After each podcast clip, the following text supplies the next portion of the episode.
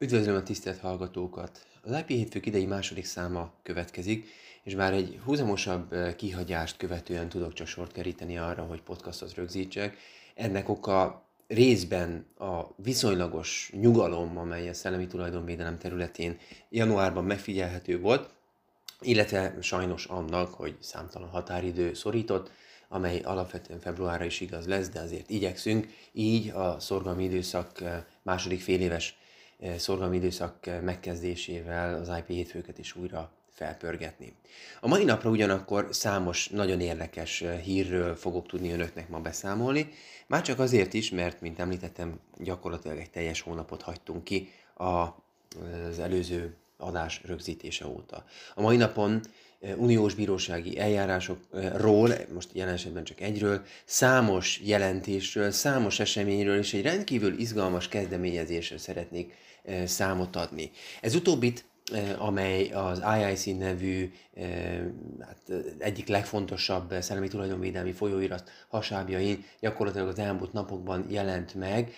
Tudatosan a végén szeretnék beszélni, mert ez talán egy jóval nagyobb vitát fog generálni, mint hogy egy sima kis hírben beszámolhassak róla. Ezért először is beszélgessünk olyan aktualitásokról, amelyek szerintem nem érdemes, hogy elkerüljék a figyelmünket, különösen azt a néhány eseményt, amelyről a, amelyet a következő napokban, következő hetekben fognak megszervezni különböző kiváló szervezetek, illetve intézmények. Az első hír tehát a mai napra egy főtanásnak indítvány, amely mivel szellemi tulajdon ezért talán egyre kevésbé meglepő módon Macsi és Punár első főtanásnoktól érkezik, ez pedig a véletlenül sem a, az ausztrál énekesnő Szia, hanem ez egy, ha jól látom, lett társasági forma rövidítés kell, hogy legyen. Szia CV Online, Latvia versus Szia Melons ügyben született. Rendkívül érdekes adatbázis előállítói, előzetes döntéshozatali eljárásról beszélhetünk, Számomra már csak azért is rendkívül érdekes, mert egy egyenlőre nem nyilvános és elemeiben nyilvánosan biztosan nem váló szerzőgi szakértőtestületi szakvélemény is született nem is olyan rég egy megközelítőleg hasonló témakörben. A SZIA ügy, csak az egyszerűség kedvéért nevezők SZIA ügynek, vagy CV Online ügynek, majd meglátjuk melyik terjed el a mindennapi gyakorlatban.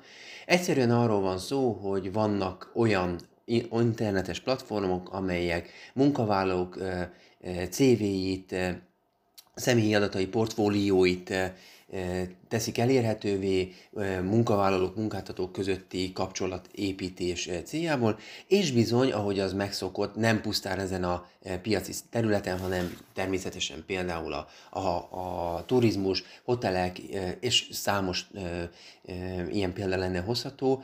Vannak úgynevezett meta agregátorok, olyan platformok, amelyek más adatbázisok tartalmainak áttekintésével próbálnak egy összefoglaló áttekintést biztosítani a végfelhasználók számára.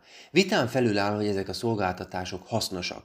Az egy teljesen más kérdés, hogy ezek jogszerűek-e, vagy legalábbis egészen másként megfogalmazva, engedély nélkül nyújthatja-e bárki ezt a fajta szolgáltatást, megint másként megfogalmazva, szabad-e engedélykérés és díjfizetés nélkül a mások által sok esetben idő, energia és pénzbefektetéssel előállított tartalom együtteseket, adatbázisokat megosztani a nagy közönséggel. Ebben az ügyben, eh, ahogy azt próbáltam már említeni az elején, tehát eh, munkavállalói CV-k, eh, portfóliók kerülnek megosztásra, és nagyon leegyszerűsítve a dolgot, itt egy teljesen egyértelműen az adatbázis előállítói jogok körébe sorolható újrahasznosítás és kinyerési magatartásról beszélhetünk.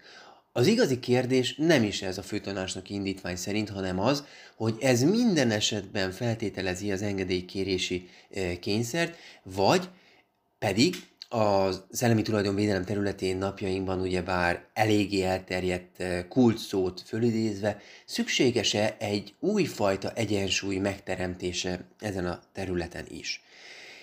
És a főtanácsnak indítványnak a tartalma ebbe az irányba mutat. Azzal, hogy ugyanakkor nagyon-nagyon fontos, és ezzel a főtanácsnak tulajdonképpen megfelelő eszközt adott ebben az ügyben, úgy gondolom legalábbis, az uniós bíróság számára, amely majd valószínűleg ugye bár vissza fogja pattintani a tagállami bíróságok számára az ügyet, azt is meg kell nézni, hogy aki ezt a tényleges metaszolgáltatást, meta-adatbázis hozzáférést nyújtja, az tulajdonképpen milyen versenyjogi pozícióban van. Olyan pozícióban van-e, amely segítségével képes lehet-e hátrányos helyzetbe hozni másokat a piacon.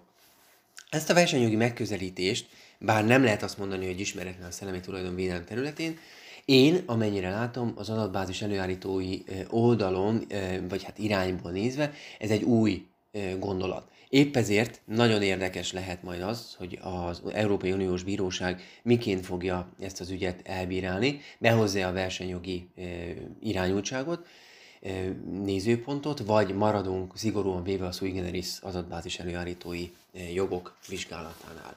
Amint az Európai Unió Bíróságának a döntése megszületik, erről természetesen a blogon konkrétan olvasni lehet majd. Térjünk át a második napi rendi pontra, ami különböző jelentésekről való rövid híradás szeretne lenni. Jelentések alatt alapvetően jelentéseket, híreket, beszámolókat szeretnék ezen a ponton közölni, és hármat is egyből, ugyanis a az elmúlt néhány hétben az én meglátásom szerint legalább három olyan érdekesség született, lehetne persze másfél tucatról beszélni, hiszen az Európai Unió megállás nélkül dömpingszerűen nyomja ki egymás után a különböző mesterséges intelligenciával kapcsolatos jelentéseket. Ezek azonban a legutóbbi jó néhány héttel, most már hónappal ezelőtti szellemi tulajdonvédelemmel kapcsolatos jelentésekhez képest újdonságot ezen a területen nem adnak, ezért nem beszélnék róluk. Viszont beszélnék egy másik szellemi tulajdonvédelem és mesterséges intelligencia dokumentumról, ez pedig a VIPO-nak az a jelentése, amelyet a tavalyi évben tartott három eh, online eh, értekezlet, online megbeszélés eh, alapján állítottak össze a korábban közétett kérdőívek, kérdőív szerinti munkadokumentum szerinti felszólalások vonatkozásában. Másként megfogalmazva, ez a dokumentum a legtöbb feldolgozott kérdéskör issue mentén összefoglalja, hogy a különböző felszólalók alapvetően milyen véleményeket fogalmaztak meg. Rendkívül érdekes, épp ezért a szerzőség, például ez az egyik téma, a szerzőség kérdéskörében, illetve a találmányok vonatkozásában a feltalálói jogosultság megszületése kapcsán tett észrevételeket illető tömör összefoglaló, ami azt illeti, hogyha merhetek ilyet mondani, merem azt állítani, hogy hangsúlyozottan név nélkül egyébként, jó esetben az én felszólalásom is nagyjából reflektálásra került ebben a dokumentumban, de tényesen, hogy nem csak én mondtam azt el, hogy megítélésem szerint korai lenne cselekedni, és mindaddig, amíg a meglévő keretrendszer vonatkozásában megnyugtató válaszokat nem kaphatunk, a szerzői jogosultságok és mesterséges intelligencia dimenziójában addig cselekedni nem szükséges, illetve jelen esetben én úgy látom, hogy a legfontosabb körülmény annak a vizsgálata, hogy egy olyan okozati, külön, okozati kapcsolat fennáll le az input és az output között, ami, meg, ami eredményezheti a, a szerző jogok keletkezését, a mesterséges intelligencia, vagy éppen az azt futtató, előállító, mozgató szervezet személy oldalán érdemes áttekinteni. Tehát ebből a dokumentum, ezt a dokumentumot, ebből nagyjából leszűrhető az, hogy a VIPO nem nyert olyan egyértelmű támogatást ezen a vonatkozás, vagy ebben a vonatkozásban, amit talán remélt. Úgyhogy én úgy gondolom, hogy a VIPO a, az authorship kérdésköre mentén nem fog nagy léptékekben előre haladni a következő időszakokban. De majd meglátjuk. Egy másik nagyon érdekes jelentést az Artisius, dalszer, az Artisius által működtetett dalszerző weboldalon olvashatunk Rónai András tollából, amely tulajdonképpen abból az irányból ad számunkra újabb érdekes információkat, amelyeket az IP Hétfők podcast egy tavalyi számában a Singer Andrással, illetve Tomori Pállal készített interjú keretében már mi is átbeszéltünk. Vagyis, hogy a kreatív ipart milyen szintű hatások érték a Covid pandémia idején. Akkor András, illetve Pál még csak egy korábbi, úgymond akkori állapot szerinti információkkal tudott szolgálni, de most nagyon fontos, hogy a, a dalszerző oldalán elérhető legújabb jelentés, amely a Geszák megbízásából született, ez sokkal napra készebb. Tehát akit érdekel az a terület, hogy a kreatív ipar milyen challenge előtt áll még, illetve milyen hatások érték a Covid pandémia alatt, annak ajánlom ezt a nekem nyomtatásban 6-7 oldalas dokumentumot, nagyon jól és könnyen fogyasztható tartalomról beszélhetünk. A harmadik jelentés, amelyről nagyon röviden szeretnék beszámolni, az az Egyesült Királyság Szellemi Tulajdonvédelmi Hivatalának egy új közleménye, egy Copyright Notice, Duration of Copyright címet viselő dokumentuma, ahogy ezt az IP Office közli az érintett weboldalon, a, a hivatal számos olyan magyarázó dokumentum közétételét tervezi a napokban, napokban, bocsánat, hetekben igazából, amelyek a szellemi tulajdonvédelmi, így a szerző jogok pontosan megértését teszik szükségesé. Ez talán a Brexit miatt válhat indokoltá, ha bár speciál ezen a területen hatalmas meglepetések nem lesznek. Ez az első dokumentum tehát a szerző jogvédelem kérdéskörével foglalkozik. Ugyanakkor rendkívül fontos tájékoztatásokat fogunk kapni a jogérvényesítés, a jog átruházása, az árvaművek és hasonló kérdéskörök mentén a brit szellemi tulajdonvédelmi hivatartól. És ha már a briteket említettem, valahol az átkötés miatt is szerepel a mai IP hétfőkben ez a dokumentum. A harmadik napi rendi pontunk ugyanis számos eseménnyel függ össze. Az eseményeknek se, se szeri, se száma, azzal, hogy lett volna még egy extra, amelyet ma szerettem volna megemlíteni, ugyanis február 17-én az Egyesült Államok Szerzőjogi Hivatala egy rendkívül érdekes webinárt tart majd a nem olyan rég elhúnyt Ginsburg bíróasszony emlékezetére. Sajnos, mivel az eseményre már nem lehet regisztrálni, jó magam is sajnos lemaradtam, ezért ennél többet nem mondok róla. Ha ne adj Isten, megkapom a közzétett videót valamilyen úton, módon, akkor mindenképpen be fogok róla számolni. Már csak azért is, mert az eseményen két beszélgetésre kerül sor. Az egyik, illetve úgy mondom inkább először is, hogy a második beszélgetés különböző alkotók folytatják le, akiket inspirált Ginsburg bíróasszony. Nagyon érdekesnek hangzik már ez is. Mégis számomra az lett volna sokkal érdekesebb, ahol Paul Gostin, Stanfordi professzor, illetve az elhuny bíróasszony lánya, a világhírű Jane Ginsburg professzorasszony beszélgettek volna az édesanyja, az elhunyt főbíró fantasztikus pályafutásáról, minden bizonyal a szellemi tulajdonvédelmi irányú teljesítményéről. Mivel szerencsém van ismerni Goldstein professzort, illetve hát jobban őt inkább, mint a az Elvin Bíró asszony lányát. Megpróbálok majd rajta keresztül esetleg valamilyen linket kapni az eseményt követően. Úgyhogy igyekszek majd beszámolni erről. Érdekesebb ugyanakkor az a jó néhány esemény, amely mind magyar, mind pedig nemzetközi viszonylatban történik majd. És említettem a brit átkötést, akkor beszéljünk először is brit kérdéskörökről. Az elkövetkezendő napokban, illetve hetekben ugyanis két olyan nagyon izgalmas rendezvény kerül megrendezésre, amely gyakorlatilag a Brexit és a szellemi tulajdonvédelem vonatkozásairól zárójel is szól. Méghozzá február 10-én kerül sor az első e, ilyen eseményre, amely a Fidel Tipsa szokásos e, globális találkozásos sorozatának 9. E, száma lesz majd. Ebben az eseményben a szervezők nagyon-nagyon érdekes irányokból, természetesen tehát nem csak szerzőjük, hanem IP nagyvonalakban kívánja áttekinteni, hogy milyen hatások várhatóak a Brexit nyomán az EU és az Egyesült Királyság közötti kapcsolatokban.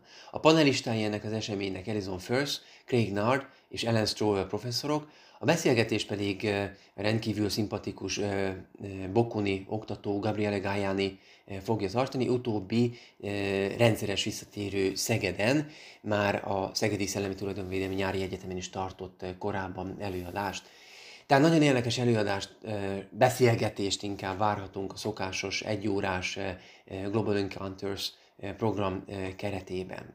A másik ilyen rendezvény, egy kicsit később, pontosan IP hétfőkről névén szó, február 8-án rögzítem a mai adást, tehát két hét múlva kerül sor, pontosan két hét múlva, ahol a City Law School, az Egyesült Királyság egyik vezető londoni jogi karának számos oktatója szervezésében tartanak majd, azzal, hogy ez nem csak IP. A program keretében ugyanis, most próbálom gyorsan felolvasni, amelyet a híradásban lehet látni, befektetések, nemzetközi gazdasági jog, EU jog, szellemi tulajdonvédelem, digitális kereskedelem, versenyjog és halászat témakörében kerül sor majd a beszélgetésre. A szellemi tulajdonvédelmi és vélhetőleg digital trade vonalon Enrico Bonadio kiváló olasz, de hát brit egyetemen tanító kolléga lesz megítélésem szerint az illetékes kolléga, ő is járt már egyébként Szegeden, ezt nem kell ismételnem, mert az IP, eh, bocsánat, a Copy 21 blogon az ő neve már többször fölmerült. Tehát két Brexit és IP és EU és UK program lesz a következő napokban, akinek lehetősége van, ezekre még regisztráljon. De nem csak ilyen programok lesznek természetesen.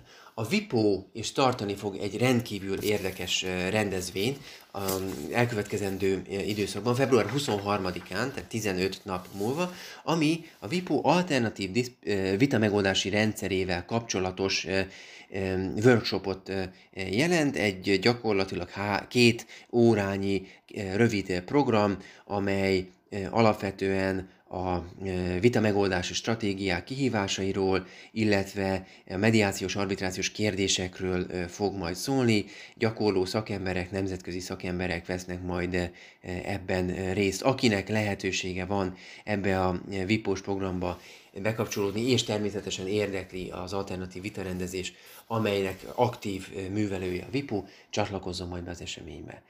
Illetve egy ötödik, illetve negyedik, bár végsősorban említettem a Ginsburg eseményt is végül, tehát ötödik esemény, amely a legtávolabb, ezért hagytam csak a végére, nem azért, mert rosszabb lenne bármelyiknél. Egyelőre csak annyit tudunk, hogy Save the Date, március 1 a Szellemi Tulajdon Nemzeti Hivatala ünnepi alapításának 125. évfordulóját fogja egy március 1 rendezvény keretében vélhetőleg online megünnepelni. Egyelőre csak annyit tudunk, hogy jövünk a részletekkel, amennyiben részletek lesznek. Én azt hiszem bátran megígérhetem, hogy egy IP hétfők interjút is fogunk szervezni az illetékes kollégákkal, hogy megtudjuk, milyen programok várják az érdeklődőket ezen a jeles napon. Hát reményeim szerint én is amennyire csak lehet ott tudok lenni, ha bár, ha már szellemi tulajdon, március 1 én hat szakdolgozatot fogok majd opponálni, illetve hát védetni Szegeden, amennyire lehet és amilyen gyorsan csak lehet, becsatlakozok majd én is a programba. És említettem, hogy egy témakört teljesen a végére szeretnék a mai napon hagyni. Ez pedig egy szerintem nem akarom elragadtatni magamat, ezért még egyelőre csak azt mondom, hogy szerintem rendkívül fontos dokumentum lesz majd.